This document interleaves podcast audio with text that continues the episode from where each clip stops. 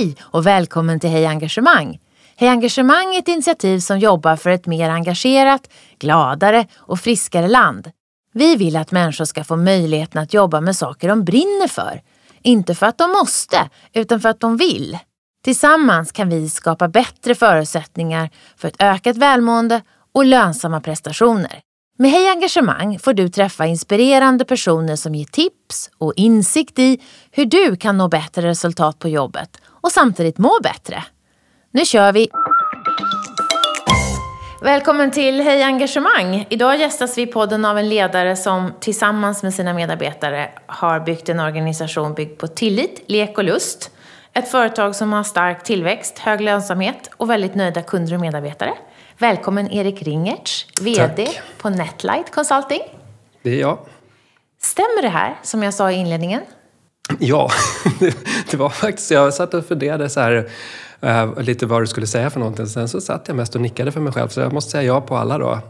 För annars kan det ofta komma någonting som är så här, han säger alltid ja eller någonting sånt som någon har läst någonstans. Som är, så hade jag hackat på, på den, men nu var det inte så, utan det var precis på pricken. Ja. Jag tog med det här tillsammans med dina medarbetare sa jag. För att Mm. jag har många gånger läst artiklar om dig där du just poängterar betydelsen av lagarbeten och obetydelsen av din egen insats.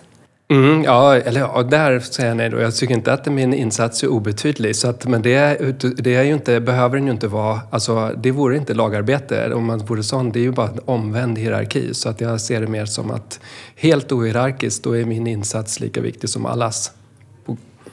Eh, när du möter nya kunder, vad är det du säger att ni kan hjälpa dem med då? Kunderna? Ja. Eh, Vi, är, eh, vi hjälper bolag som är ledande inom digitalisering så att det är så att säga, olika kunder som har en väldigt ambitiös digital agenda. Det kan antingen vara något sånt bolag som är enbart digitalt, eh, jobbar med musikstreaming eller fintech eller vad det kan vara och sen så då är vi deras konsulter som hjälper dem att omsätta idéerna. Men det kan också vara ett traditionellt bolag som då kanske inte är digitalt i grunden men som nu ska göra en stor digital transformation och då kan vi hjälpa dem med det. Kan jag säga lite slarvigt, en IT ni är Ja, IT-konsulter? ja absolut. IT-konsulter funkar alldeles utmärkt. Det är hur, precis vad vi hur, hur är. många är ni? Eh, ja, nu är vi alltså, snart 1200. På olika ställen i världen? Precis, så att störst här i Stockholm, för det var här vi började. Men, eh, men numera är det faktiskt hälften av vår verksamhet är i Stockholm och hälften är i det övriga, alltså ute i Europa. När du träffar personer som du eh, skulle vilja rekrytera, eh, hur beskriver du då resan som de ska få vara med om på Netlight? Ja, alltså jag brukar eh, då, när jag pratar med dem så är det väldigt mycket Alltså de, de har ofta, till att börja med så träffar jag dem inte första gången. Så att eh, vi har, i vår process, det, rekrytering är ju superviktigt för nätverket. Det är varje person, alltså av de här, det är helt handplockat. Alltså varje person på Netlight är, är handplockad trots att vi då är 1200 i, i hela Europa. Så, att, eh, så därför så är det har de redan gått igenom en process där de först har träffat ett gäng personer som är våra rekryterare, vi kallar dem för eh, talent search då, eh, där de har fått ett första bemötande och sen så har de träffat några framtida kollegor där de har fått ett andra bemötande och sen så kommer jag eller någon av mina eh, seniora kollegor in i bilden och håller en tredje intervju. Ehm, så när jag kommer in så handlar det väldigt mycket om att ehm, menar, att ge en, en kompletterande bild av, av vad de kan förvänta sig. Alltså jag går väldigt mycket in på deras frågor faktiskt i den, i den änden. För då, då har de redan fått en så stark uppfattning om vad Netlight kan tänkas vara för dem. Och då är det viktigt att bemöta den. Alltså för det Vad kan ju det vara för eller fel. frågor de har i det stadiet? Ja, men det kan, alltså, så här, om man ska vara tråkig så är, är det väldigt mycket handlar om, eh, vill du verkligen bli konsult? Alltså för att väldigt många idag vill inte bli konsulter. Så att det, den frågan är väldigt viktig. Eh, både för, både för eh, rekryten och för mig. För att först och främst så kanske personen i fråga har fått fel uppfattning. Alltså alternativet till konsult då i vår värld är ju att man jobbar eh, hos någon av våra kunder. Så, då, så jobbar man med det hela tiden och vad är egentligen skillnaden så att säga. Eh, men, ehm, men för mig är det viktigt att eh, de ska förstå eh, vad vi menar när vi, när vi pratar om att vara konsulter. Att det, att det kanske inte är eh, den slags legoknäckt eh, rollen som, som annars är förknippad med den. Och även organisatoriskt faktiskt kan man kanske tycka att eh, det beror lite på var, var personerna kommer ifrån, vad de har för, för referenser. referenser. Precis. Men några kanske har referenserna amerikanska managementkonsulter och sen så applicerar det rastret på Netlight och försöker se, se likheter och sen så måste man förklara de likheterna och skillnaderna så att säga. Så det, det är mycket kretsar kring det i min sista intervju. Ehm, för att väldigt mycket annat har, har redan, mötet redan skett så att säga. Och ehm, vad, vad är den stora skillnaden då? Eh, det ger ju oss en ganska bra bild av vad, hur ni jobbar. Och när de säger att ja, men jag vet ungefär hur en IT-konsult fungerar och då säger du ja, fast det här är speciellt med oss. Vad är det du säger då? Alltså, Om de säger ja. de har jobbat på McKinsey, de vet precis hur det är att vara konsult. Mm, precis, och då, alltså om man ska ta den liknelsen och dra då med eh, amerikansk strategikonsult till exempel. Då förväntar eh, rekryten säger då, ja men då är ni ju hierarkiskt uppstyrda som dem. Då så, alltså lite så här, ja, men vilken nivå ska jag komma in på för att kunna få de här intressanta uppdragen och så vidare. Där vi säger då istället att, ja, men, ja, men nu har du fått dem bakfoten för att de, liksom, du får intressant uppdrag direkt. Och det är inte för att eh, vi är så altruister på något sätt utan, utan det, det blir en bra, en bra tjänst i slutändan. Så, att, eh, så om vi nu anställer talanger, vilket vi gör, då ska ju de ut i uppdrag direkt och visa vad de går för. Och då kanske den här personen i sin tur säger att så här, ja men det där det stämmer ju inte. Vadå? Eller då frågar de istället då om de, om de tänker jo men okej du har rätt men då är ni alltså inte så, då är ni kanske ohierarkiska.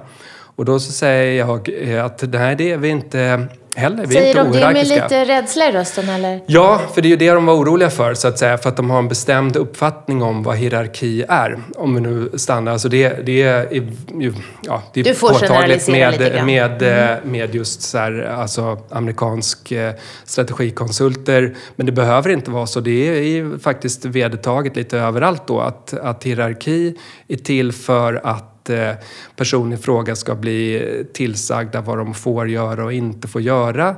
Och i det fallet så är man ju, alltså som konsult är man ju viktigt vad, vad hamnar jag på för uppdrag. Så det vill man ju framförallt inte bli ifrånsagd att få göra roliga saker så att säga. Så det är därför vi hamnar just i den diskussionen.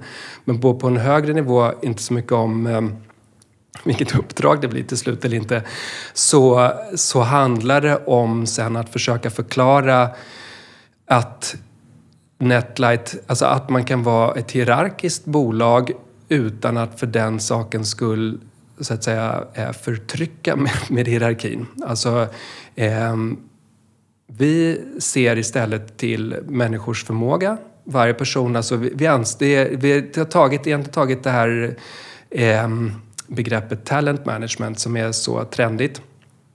Eh, vi började kanske jobba med, vi jobbade med det väldigt tidigt av en ganska enkel anledning. För när vi startade Netlight så var vi själva så pass unga. Alltså det, jag hållit på med det här sedan 1999.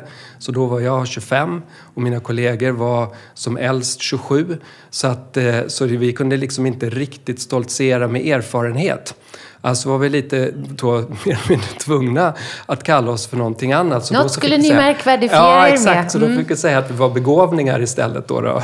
Och det kanske var drygt, men, men kan inte, man kan ju inte gå omkring och offra, vara offrig hela tiden. Men eh, det där, det vi gjorde då, det gjorde vi ju i brist på erfarenhet. Eh, och...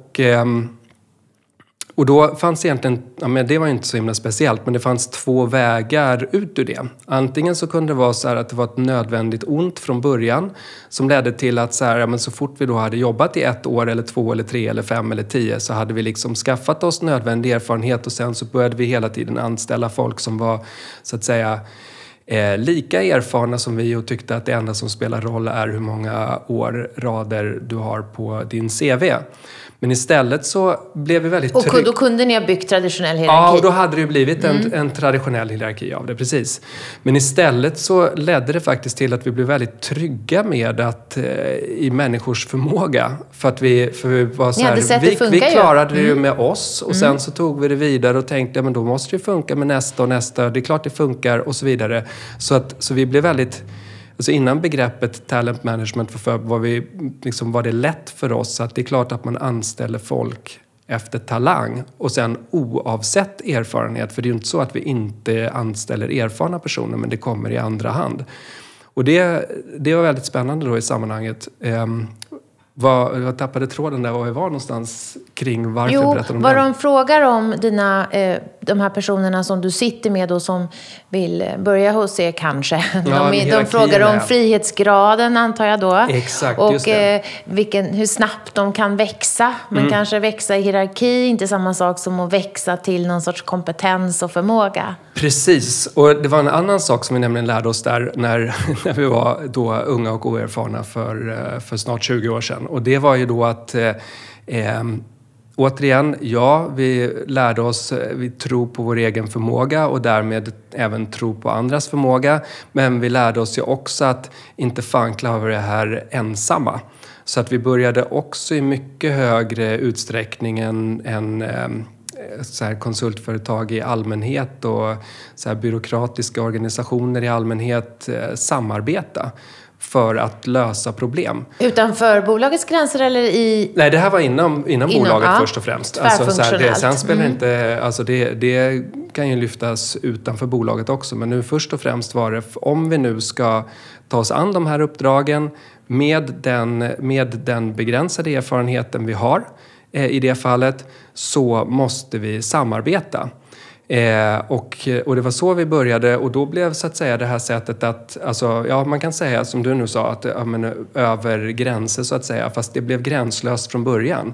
Alltså vi, det, det ledde oss till att vi, vi har inga tänkt gränser. Vi, gränser. del, vi tänker inte gränser, vi har inga avdelningar, det finns inte överhuvudtaget utan det finns bara ett Netlight och sen så samarbetar vi i mer eller mindre stora grupper för att lösa problem. Och det blev helt naturligt och då plötsligt infinner sig den här naturligheten i hierarkier. För plötsligt så blir ju då rollen för en person som har varit med länge blir ju jätteviktig att hjälpa andra att lyckas. Så att, men det blir inte den här att den här personen ska säga till den andra personen för vi utgår ifrån att personer gör ett, ett vi utgår ifrån att personer kan göra ett väldigt bra jobb. Det är en sak, men det det ofta faller på är att många organisationer verkar inte tro att någon vill göra ett bra jobb. Så att det är ju en, det är en tillitsfråga i slutändan. Att det bara handlar om så här i grunden Oavsett om man erkänner eller inte så är nästan all organisationsstruktur är uppbyggt kring eh, jag litar inte på att du kan eller vill göra ett bra jobb så därför har jag byggt en massa skyddsmekanismer runt Och omkring. kontrollsystem här. Och kontrollsystem, precis. Och då tog vi det andra änden och sa jo vi litar visst på folk så vi tar bort eh, kontrollsystemen och, och för, det, för dem i sin tur, för det blir självuppfyllande. Alltså det är framförallt därför vi tar bort dem. För egentligen kan man ju tänka sig, jo men det är väl dumt att inte ha skyddsnät och, och gå på lina, om du nu tar den liknelsen.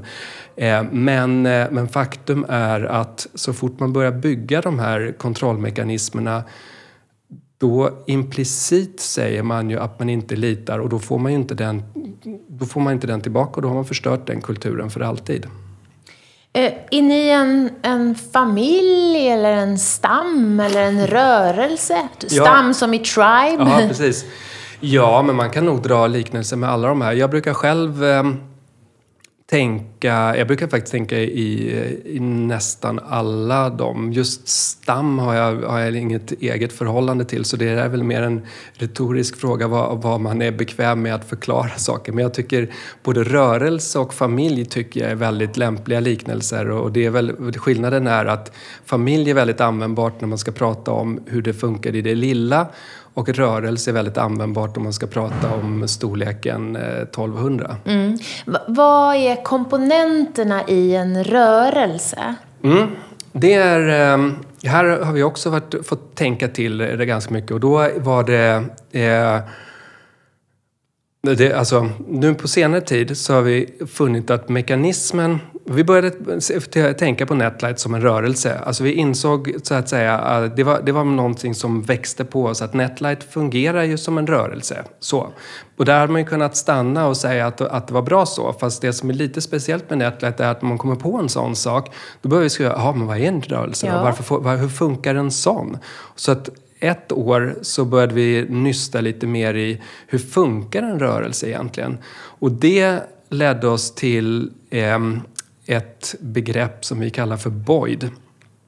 Eh, Boyd är nämligen, eh, nu är ju IT-konsulter som du då märkte, så att, eh, och Boyd är en, ett program eller en algoritm för eh, hur man låter, i, alltså gammalt, egentligen artificiell intelligens fast på väldigt så här, på 80-talsnivå.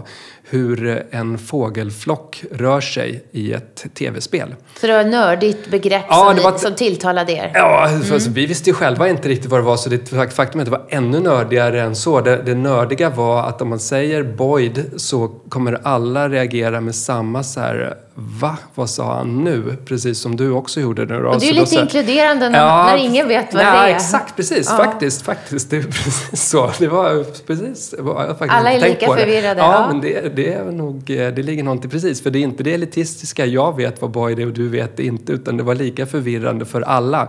Och sen när man då börjar nysta i det, då blir det inkluderande igen. För oh, det här är ju ett program. Oh, den har funnits där. Oh, den kan jag hitta i det här. Den finns i Batman Returns så är de fladdermössen där, de är Boyd-program, jodå.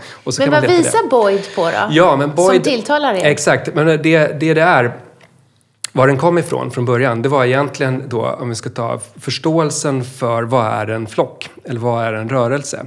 Eh, och det var en kollega till mig som, som gav mig det här mönstret. Och det, jag ska hämta ut det här lite, för så är, var det att eh, vi försöker varje år sammanfatta vad som är viktigt eh, att tänka på, liksom en strategisk agenda för nästa år genom att sätta en bild. För mm. det, vad är, som, som vi sen kan jobba vidare utifrån eftersom det är ett inte ett ohierarkiskt, men ett ocentralistiskt Netlight så, kan, så är det inte, jag kan inte säga, eller vi som ledningsgrupp eller någonting kan inte säga i år ska vi göra det här och så bryter vi ner det i delmål och sen så sipprar det ner i organisationen.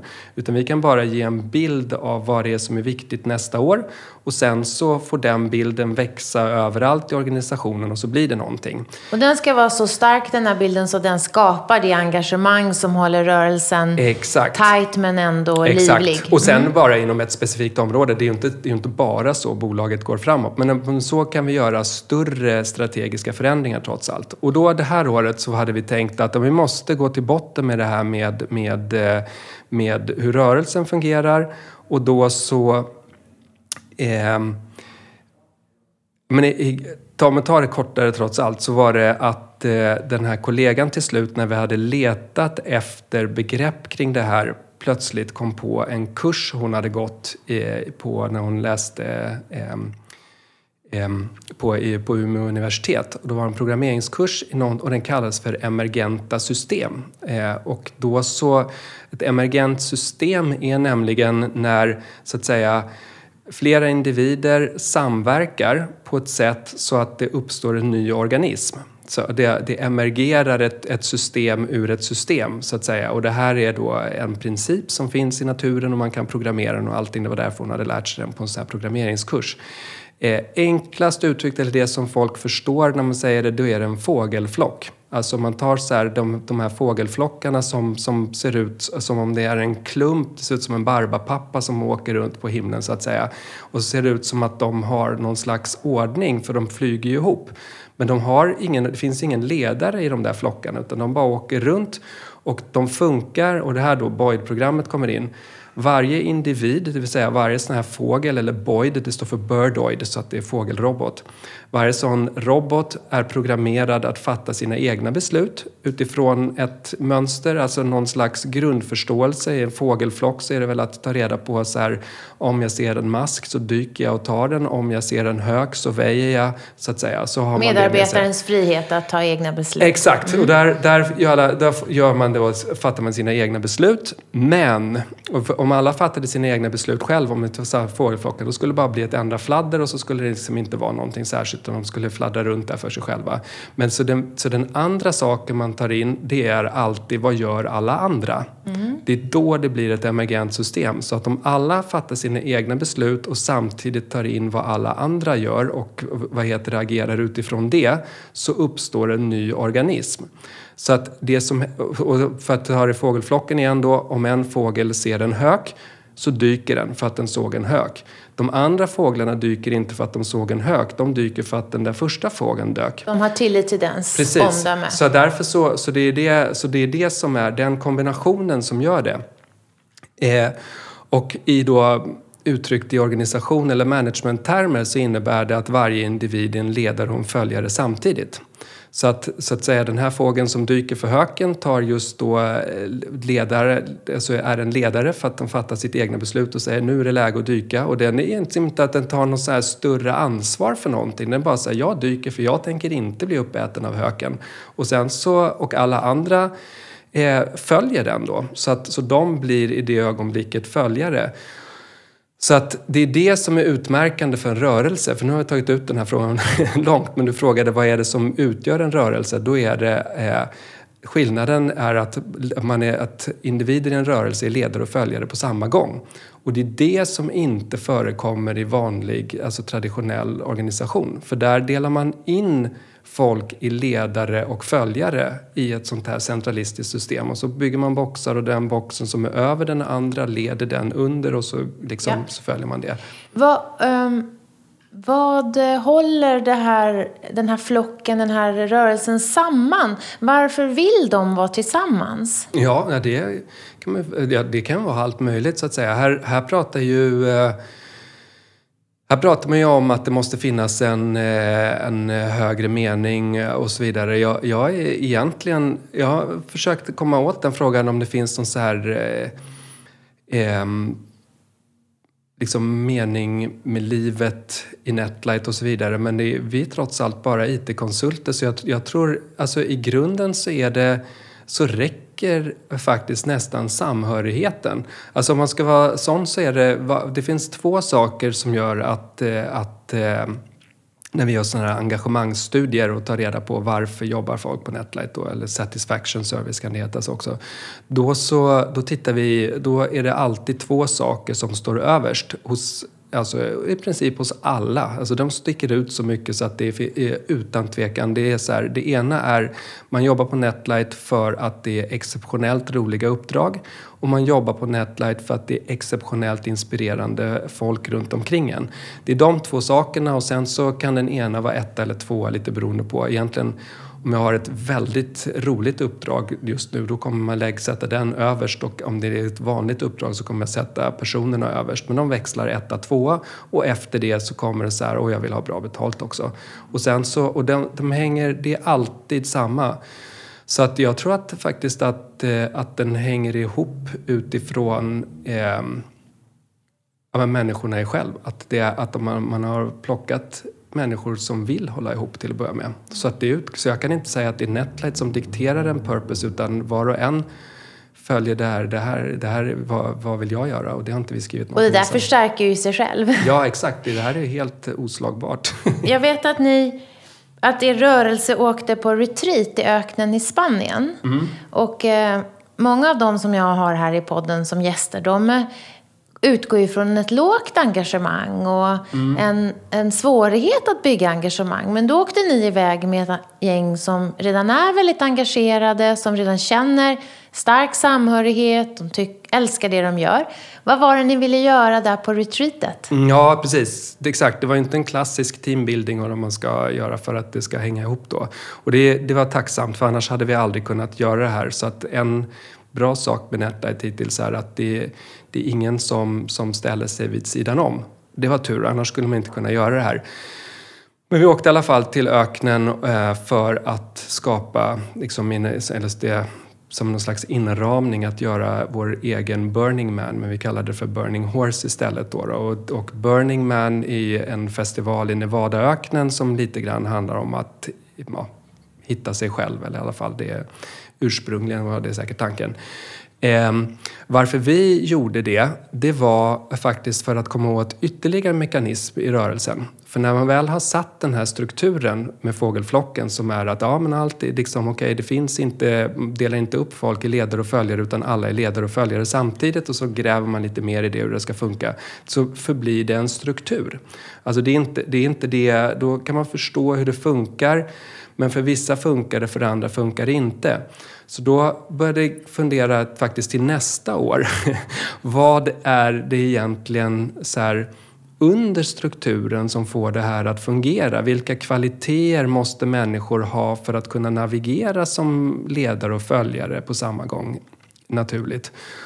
Och då kom jag på att det, är, eh, det kräver eh, mänskliga egenskaper eller kvaliteter då som av arten, vi kallar det för, eh, vi, vi lånade uttrycket be a mensch i det fallet. Så då från Boyd gick vi till nästa ord som blev mensch som är ett... Från gestaltterapi? Eller äh, var kommer det ifrån? Det kommer sig från, alltså det kommer sig från, jag hittade det i en, eh, i en utvärdering så att det var en kollega som sa till en annan, på jiddisch finns ett begrepp, för det, för det är jiddisch då i det fallet, eh, som ett, att en person är en människa. Eh, en sån person tycker jag att du är. Slå upp det så kan du få, liksom få reda på mer om det här så att säga. Och, och det var ju ett väldigt fint då. Jag var nämligen den, här, den som hade fått det här betyget. Jag var hennes mentor. Så jag kollade ju upp det också då eh, åt henne och då visade det sig att sagt, det här är ett, ett eh, jiddiskt eh, hedersbetyg som, det betyder ju mensch på tyska då, då men alltså, eller säga mensch betyder människa på tyska. Men i det här fallet är det mer att det tar det humanistiska i, i människa och säger att en person eh, med, med integritet som visar andra människor respekt det är en människa. Och det, det var ju, med det, vem skulle inte vilja få det betyget så att säga.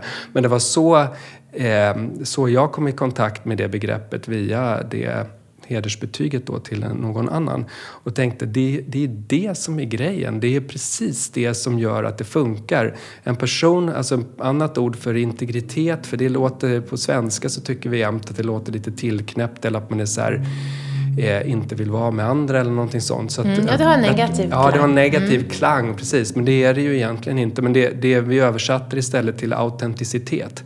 För vi sa så här, en människa med självkänsla. Att det är det det är. Så att en människa med självkänsla som samtidigt är, kan vara lyhörd. Och det var det ni ville åka till Spanien och träna? Exakt. Så vi, vi åkte till Spanien. I stor skala? Ja, Hur många människor? Ja, vi var 650. Så Bara det hade allihopa. ju varit roligt ja. att få ja. titta på hur det fungerar. Ja, nej men precis. Och det, det, var ju, det var ju, då gick vi ju på helt avskalat ut i öknen blanda ett ledarskapsutveckling som väldigt mycket handlade om, om uttryck. Alltså vad heter det, jobbade med eh, jag menar, autenticitetsfrågor egentligen. Hur, hur uppfattas jag? Men med röst och kropp? Eller? Ja, exakt. Mm. Det var med röst och kropp och det var hur, hur, hur uppfattas jag på scen men sen också att förstå vad, sin egen personlighet i förhållande till andra så att säga. Och alla är ju ledare så alla tränar det här. Ja, ja precis. Mm. Det var inte så att det här var någon, för att det, det här gör vi med ledning ledningsgruppen utan det, eftersom alla är ledare så ska alla göra det här. Och så varvade vi det med yoga.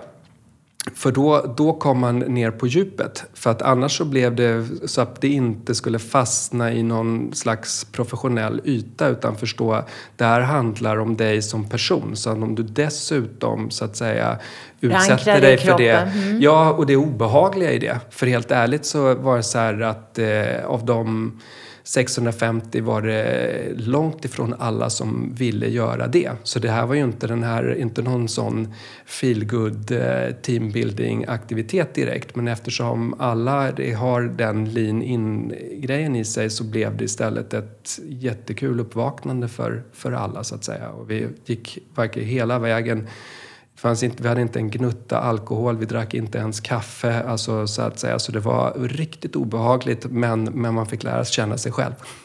Vad var några av omdömena efteråt? ja, även det var, eh, det var blandat. Alltså det var, det var, eh, det var genomgående positivt. Men det var, vad heter det, så man fick, verk, man fick följa personers olika resor. För vissa var det så här, oh det här var det bästa jag varit med om, det här har jag alltid velat göra. Eh, det var väl inte så många, men ändå ett par. Till att så här, alltså när jag kom dit så tänkte jag okej, okay, jag åker med på de här resorna för, att, för jag, jag bangar inte, men vad fan. Och sen så, men sen så tog det mig en halv dag och sen så, alltså jag fattar inte vad som hände, men jag bara föll. Alltså det finns faktiskt, det var en, en kollega som hade just den här att gå från vad är det här för någonting till oj. Något flummigt ja, vid första anblick. Ja, ja. precis. Både flummigt och jobbigt. Liksom, att så här, var, varför ska jag Men sen blev rubbad i ett positivt Exakt. Ett positiv och skrev det liksom mm. i en mm. blogg som var jättekul att läsa faktiskt. Men tillbaks till rörelsen en gång till bara. Att eh, ehm, det här med eh, vad man hålls samman därför att man finner mening i det. Men är man medlem i en rörelse? Förutom att man legalt förstås är medarbetare i mm. Netlight Consulting AB. Det, det, finns ju sådana krav. Men jag fattar men frågan. Mm. vad är relationen till rörelsen jämfört med relationen till andra personer runt mm. omkring en? Ja, det där är För ju... semantiken kan ju styra hur vi ser på det här. Exakt. Och medlem då i, i, handlar ju känslan av att vara med Alltså vara med eller känna sig utanför. Den är superviktig i en, i en rörelse, alltså en organisation som fungerar som en rörelse. Och den har vi, den har vi faktiskt också fått jobba med i många generationer av, av olika, liksom, man, man stöter på nya utmaningar hela tiden. Det första som händer, eller första vet jag inte, men det första stora, det är den här frågan eh, huruvida alltså när det börjar närma sig, är rörelsen en sekt. Mm. Eh, Då är den exkluderande. Ja, precis. Det var det faktiskt. Men, men, det, men, det, men det, så långt hade inte jag tänkt som du nu. Så att du direkt kunde se vad, vad är det som utgör en sekt. Så, att, så jag och några till, vi satt oss ner och funderade på... Alltså vi kände ju på oss att det inte var en sekt.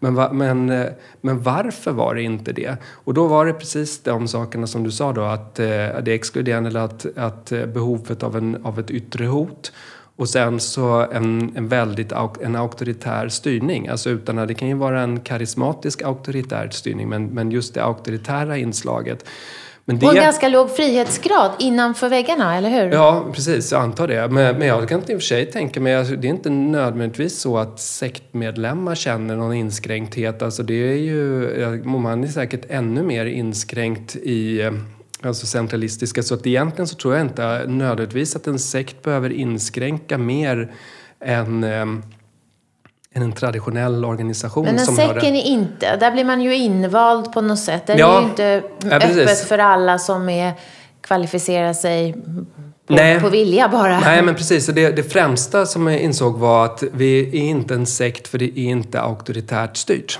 Alltså, så det är inte så här de här värderingarna gäller. För det är egentligen det som är det främsta sektkriteriet. Att så här, det bygger på eh, de, det här är våra värderingar. Och sen så ska man då anpassa sig efter dem och iklä sig dem eller inte. Och det hade vi inte, men vi har blivit ännu bättre på att förstå det. För då tänker man så här, men vad är värderingsstyrning då? då? För tittar man på hur de flesta bolag som har ambitioner att så här, eh, värderingsstyra och hur konsultföretag som ska hjälpa till med värderingsstyrning jobbar, då jobbar de faktiskt enligt den Antingen man kan kalla det för sekteristiskt eller så kan man kalla det för fascistiskt. Det är liksom ungefär samma principer men att man säger så här, det här är våra värderingar. Så målar man upp dem i receptionen. ja, mm. precis. Och, ska, och så säger man till medarbetarna att de ska följa de värderingarna och man rekryterar utifrån de värderingarna och så vidare. Och det här anses vara helt normalt och så ska man göra. Så att egentligen så är det nästan anledningen att vi behövde tänka större än så här var att vi redan hade lyckats med vår värderingsstyrning. För att de flesta bolagen som gör det här idag, som tur är, så är de inte värderingsstyrda för fem öre. För vore de det så skulle de nämligen vara en sekt. Fast enda anledningen till att de inte är en sekt är att de är misslyckade på sin värderingsstyrning. Men vi insåg då att nej, vi, vi är ju ett värderingsstyrt bolag men vi har inte skrivit värderingarna på väggarna, så vad är det då? Och den stora skillnaden blir då att eh, eh Traditionellt så tänker man ju just styrning centralistiskt och då tänker man att eh, värderingsstyrning måste handla om att vi ska styra vilka värderingar vi ska ha. Och därför så ska det, det värderingsstyrning ska handla om, ska de vara de här tre orden eller de här fem orden eller ska de vara fem andra ord och, sen så, och det är det som är själva styrningen. Men det, det, är det, nej, det är fel väg, utan vitsen med värderingsstyrning borde vara att styra med värderingar. Och det var det vi har blivit bra på, att istället ta tillvara på människors värderingar eh, och göra dem och sen så låta de värderingarna mötas och då uppstår ju något slags, liksom en gemensam värdegrund men den är ju inte, det finns inte någon som helst anledning att skriva dem på några väggar eller överhuvudtaget. Men ni håller också det samtalet levande? Ja, precis. Så det blir, ett, det blir ett samtal och det blir också att ha en miljö där man får visa, leva ut sina värderingar för att, och vara sig själv. För det är ju det det blir. För annars så kommer du till jobbet och sen så spelar du en annan. Så du lever ju... Eh, normala företag är inte ens en miljö där det finns plats för dina värderingar. För det hör inte hemma i... För det här är ju jobbet. Jag tänker att det måste ju också vara ett väldigt bra sätt när ett bolag växer så snabbt som ni. För då är ju sist in lika värdefull och kan mm. ha möjlighet att vara lika autentisk för den personen eh, kan vara sig själv fullt ut mm. utan att först behöva läsa av en massa olika koder och saker. Ja, men exakt. Precis så är det. Och sen så, och tyvärr, fullt så enkelt är det ju inte för vi är så vana vid den andra bilden så därför så, när folk kommer in på Netlight så spanar de ändå in så här, är jag rätt, är jag rätt? Apropå då själva den här dynamiken i medlemskapet. Så det, den sitter ju så djupt rotad i folks huvuden men, men vi har i alla fall skapat förutsättningarna för att det ska funka och sen så får folk leva sig in i det. Och då kommer väl tilliten in här ja, igen som du har berättat om att, att eh, det är en del, viktig del i er utveckling. Kan du prata lite mer om liksom vilket sorts ledarskap främjar tillit? Hur, hur märks det att den där som är sist in är fullt litad på? Ja, alltså, men i grunden så... I vårt fall är det, är det enklaste sättet är ju just att eh, släppa ut folk i uppdrag med detsamma. Att det, vi, vi, vi, vi litar på att folk kommer klara av väldigt, liksom, ganska avancerade saker. Vi, och det tror jag, den, den först, det är nog i all sin enkelhet, i den första upplevelsen, det va? Jag? Alltså den, den skapar en, en skön känsla och den och kanske också lite så initial rädsla. Nej men vadå, nu kommer jag, tänk om jag förstör någonting så att säga. Så där i den leveransen så är vi också så vana vid att, att det jag sa från början, att hjälpa varandra så att man liksom i ett ganska normalt sammanhang. Liksom, det är inget kryss där vi sitter inte och håller på med något eh, nu ska vi ha en tillitsövning och luta oss tillbaka och blunda utan så här, nej men nu bara, nej det är ett jobb det här och det handlar om att gå ut men det är jätteolika hur man ser på varandra professionellt. Märker kunderna det här tror du? Ja, ja det tror jag mm. absolut. Ja, verkligen. De, de märker det. Um, Ja, det och påpekar det också väldigt mycket. Och, och, vi, och det smittar ju av sig. Alltså, så, att, eh, så att i grunden så... Ehm, för vi vill egentligen bemöta kunderna på samma sätt. Och det, och det här kan man ju göra, det spelar ju egentligen ingen roll heller. Det är det som är fina med... med eh, alltså jag kan ju... Den andra parten behöver ju inte vara med. så, att, så jag kan ju bemöta en part med tillit, alltså oavsett om vi tänker nu internt eller jag gentemot en kund. Och sen så kanske den parten i ett första läge är reserverad.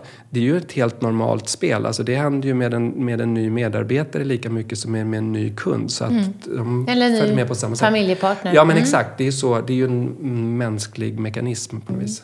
Men eh, vi är ju ändå i engagemangspodden här.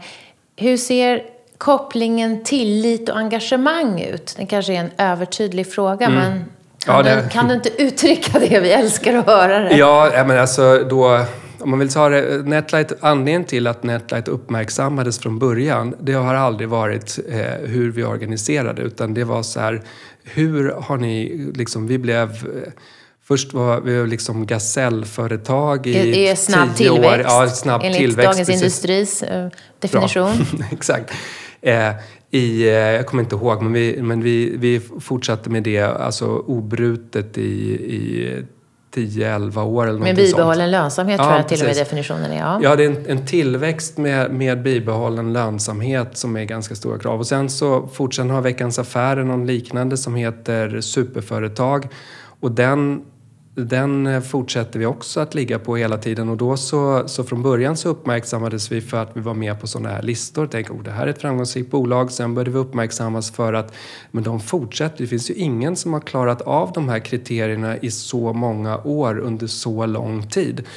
Men det, och det som provocerade mig lite då på tiden i början, det var att eh, det var aldrig någon som frågade varför det var så. Det var så här, jävlar det här var ett framgångsrikt företag, de växer med, eh, med eh, 20, 30, 40, 50 procent om året och de är, har eh, 20, 25, 30 procent lönsamhet. Så att, och tyckte så här, det, det här är väl bra grejer. Och så tänkte jag, ja det är bra grejer. Och sen förväntade jag mig så här följdfrågan. Men det tog ända tills 2014 innan någon frågade överhuvudtaget varför recept. det var så.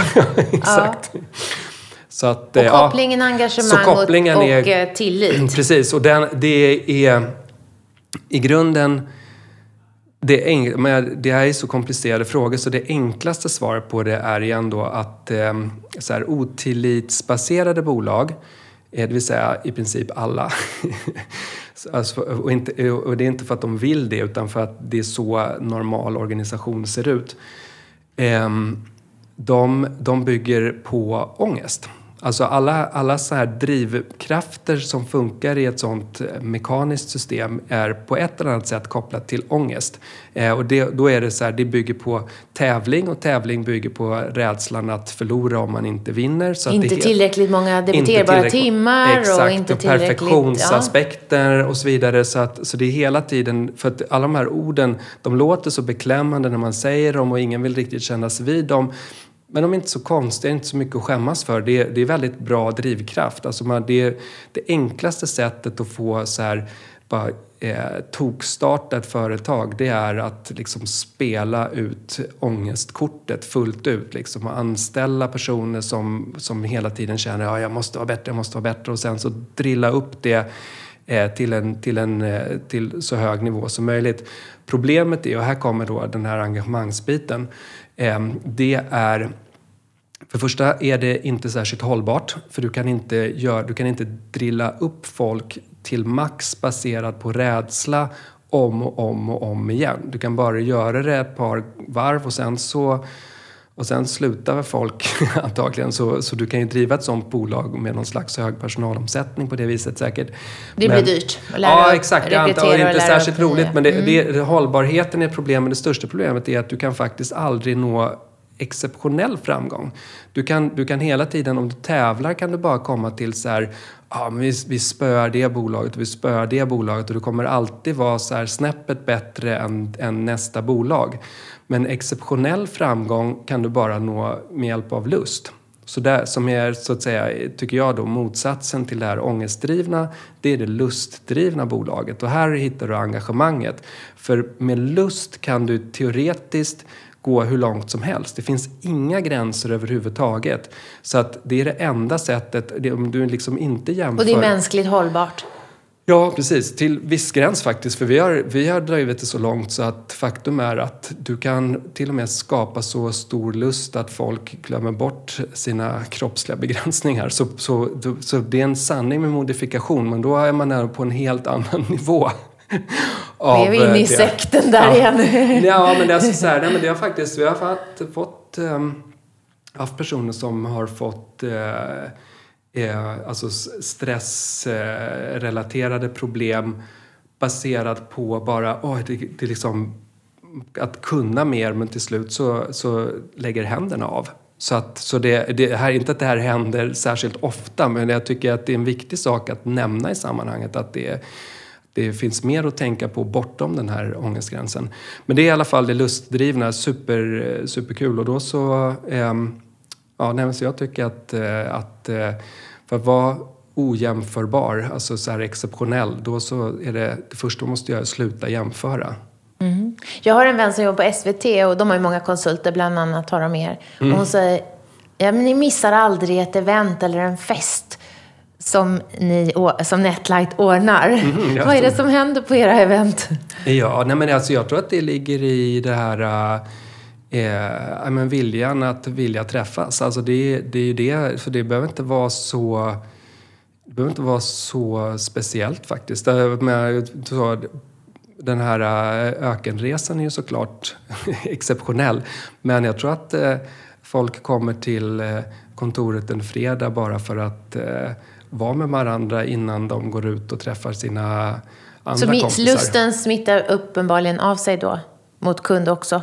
Ja, alltså, jag menar att kunderna inte ja. vill missa våra event. Nej, att de kommer hon säger också. det. Hon Jaha, jobbar på SVT ja, ja, och har er som konsult. Det tycker jag är jättekul också. Ja, precis. Där då, och det, och det vad heter det, tycker vi ju, alltså att man, vi, vi ser ju, där är ändå ett emergent system. Vi behöver inte dra gränserna. Vad är Netlight? Det behöver ju inte sluta vid, apropå då, ja, det finns ju en gräns för vad som är Netlight juridiskt sett vem har Netlight ett arbetsgivaransvar för? Vem betalar Netlight lön till? Men när man har kommit över den gränsen och vem är det som tillhör rörelsen så tycker jag i allra högsta grad att eh, kunderna tillhör rörelsen om de vill. Mm. Så det är ju superkul. Vad är medelåldern hos er? Med, medelåldern är faktiskt konstant 30. Den har alltid legat på 30 för att vi, för vi, för yngre, vi rekryterar hela tiden relativt ungt. Så då kan man fortsätta att bli äldre i bolaget. Så, att, så den förskjutningen så, så länge vi växer så, så håller den sig stabilt på den nivån faktiskt. För Sen kommer ni komma ner nedre tonåring. Ni är ju bara 18 år gamla. Med tiden måste ni ju rekrytera väldigt Ja, exakt. Precis. Så att, ja, men någonstans så borde det ju bli... Ja, men ingen slutar stämmer ju faktiskt inte heller i slutändan. Vi har, vi har en, en eh, vi har nog en ganska hög personalomsättning ändå. Men, den är, men det är också så här, varför har man personalomsättning? Alltså när vi pratade om den här personalomsättningen på grund av att folk har slitit ut sig eh, på grund av den här rädslomekanismen så tycker jag att eh, eh det är jätteviktigt att folk kommer och går. Alltså för, om värderingar ska mötas och man tycker och sen så gå vidare och sen kan vi tänka, ja, nej, så det Jag frågade om medelåldern för att jag tänker att funkar lek och lust även på 55-åringar eller är det lättare att jobba med ett gäng som, där många är ganska tidigt i sin karriär? Är det lättare ja. att um, få följsamheten för det här arbetssättet som ju, som du säger själv, inte så många vuxna är vana vid? Nej, jag, jag tror absolut att eh, alltså så här, lek och lust är, är mänskligt. Så det har inte med eh, att... att eh, jag menar, eh, I så fall, sam, i samhället slutar vi ju leka. Då lär vi ju barnen att sluta leka liksom i, i, tidiga skolåren. Så, att, så vi måste ju väcka leklusten igen. Och det spelar ju ingen roll om vi väcker den hos en 25-åring eller en 50-åring. Så det tror jag inte. Däremot så tror jag eh, Alltså om du har jobbat i en annan typ av organisation i 25 år då kanske det kan vara svårt att liksom växla till Netlight. Alltså om, det, om, net, om du för första gången kommer in i Netlight som 50-åring kanske det kanske är svårt, så att säga. Medans, men jag tror absolut att du kan bli gammal med Netlight. Mm. Men nu har vi ingen 55-åring, för så gamla har vi inte hunnit bli än. Så vi, vi, bara, vi, kommer, vi närmar oss 50 så får vi se hur gamla man kan bli i Netlight. Hur gammal är du? 44. Mm. Jag tänker att det här kanske låter konstigt, men jag tänker så här på introverta och extroverta personligheter. Att er organisation handlar mycket om att eh, eh, koppla ihop sig med andra, att eh, kommunicera mycket. Passar den här organisationsformen mer för extroverta? Mm, det är en bra fråga faktiskt.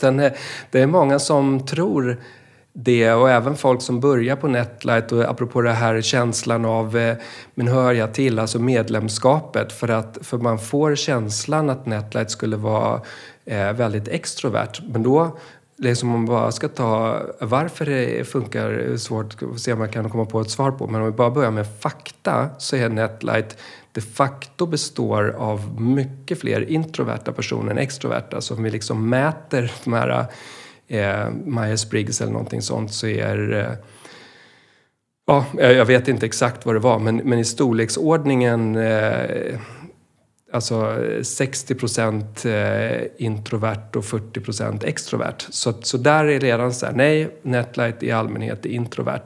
Ehm, så att uppenbarligen då så stämmer det inte att det bara är extroverta som kan kommunicera.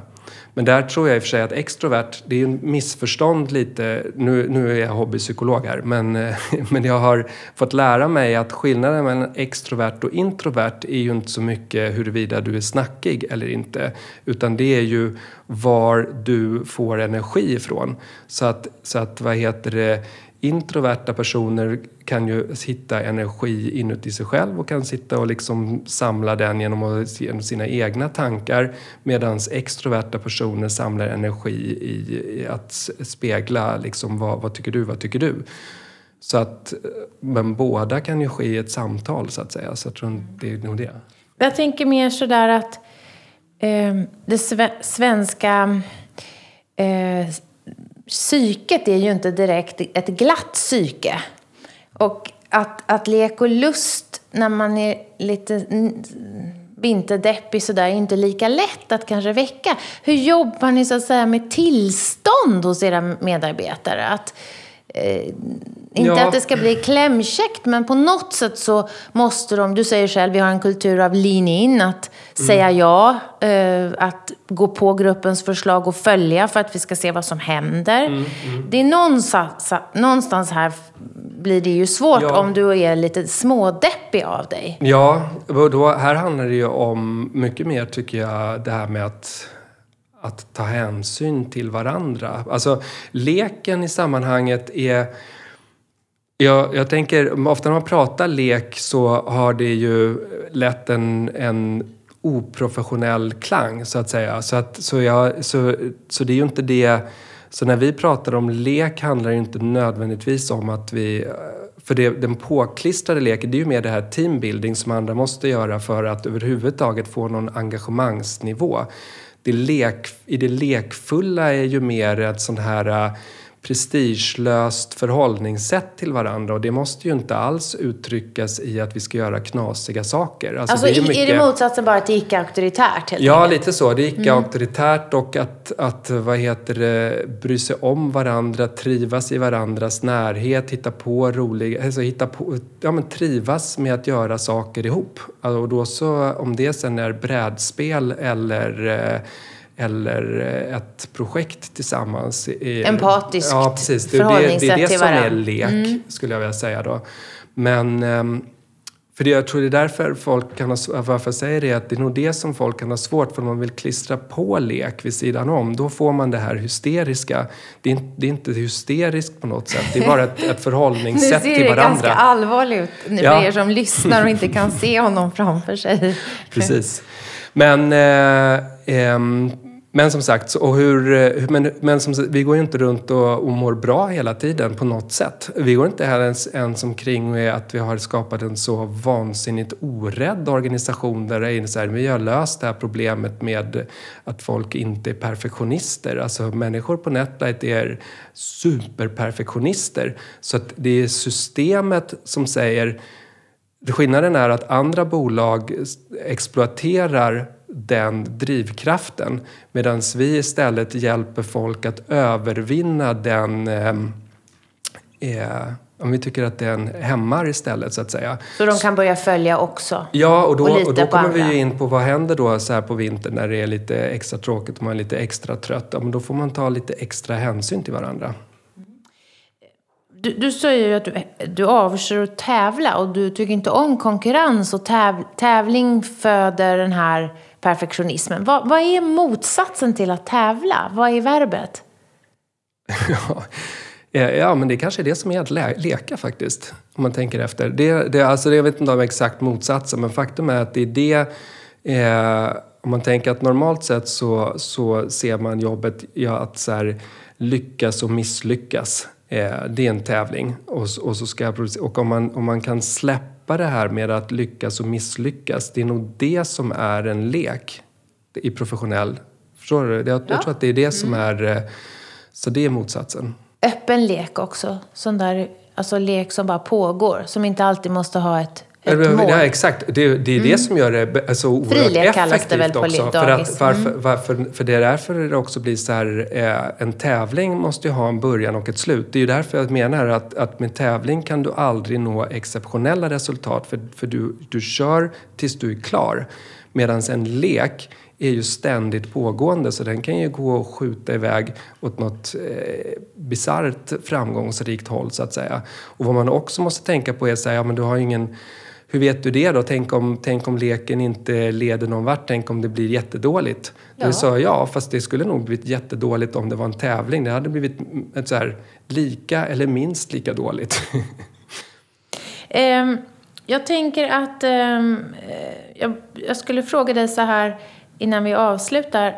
Um, vad, vad borde jag fråga dig om som du verkligen är intresserad av att prata om som vi inte har kommit in på?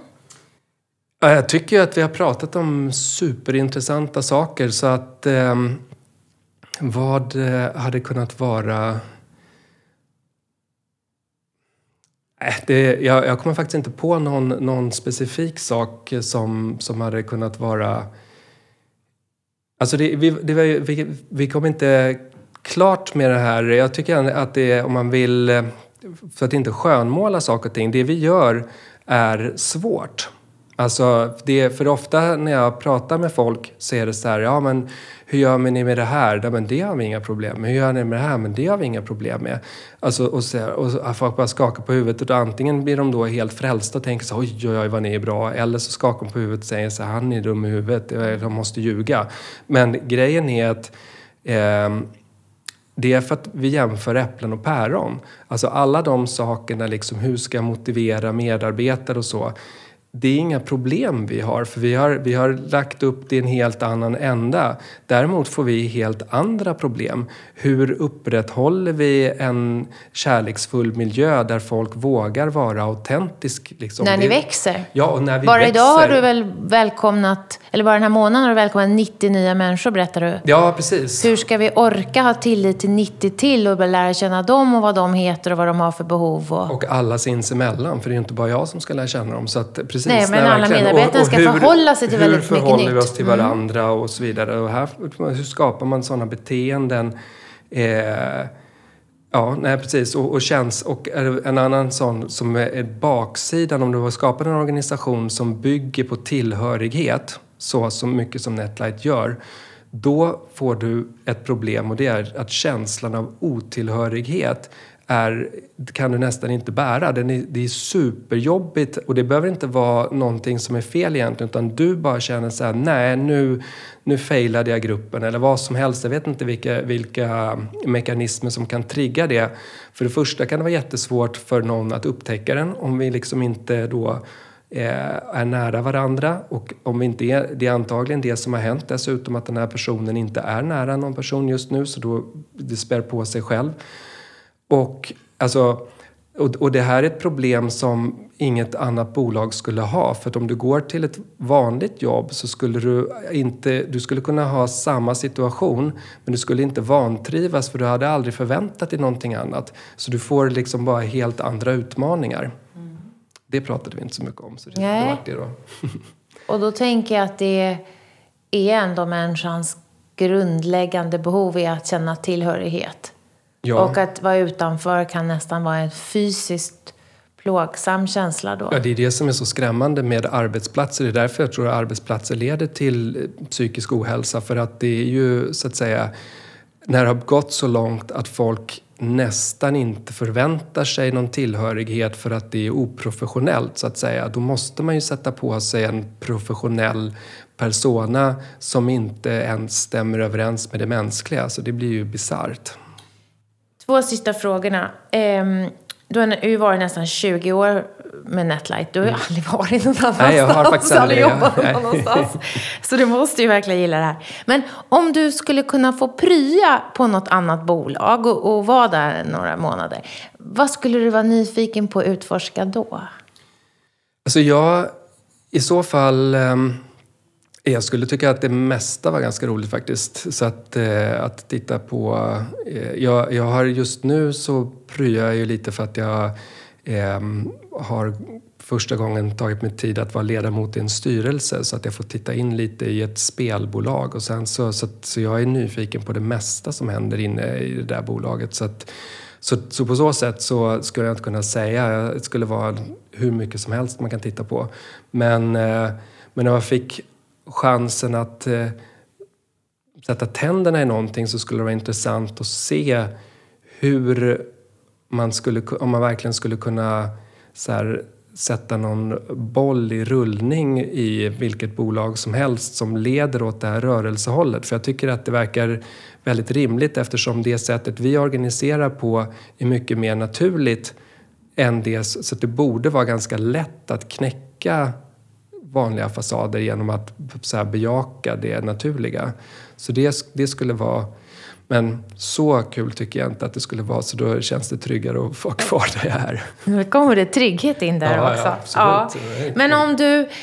Vi säger att någon gav dig tre månaders tid att verkligen fördjupa dig inom något så att du ska verkligen hinna gå på djupet. För det, det får du väl erkänna att som ledare kan det ju vara svårt att hitta den där Mm. Alltså du, du får dina 10 000 timmar på jättekondenserad tid, säger vi. Mm. Vad finns det för område eller kompetens som du känner, det här skulle göra mig till en bättre ledare för Netlight?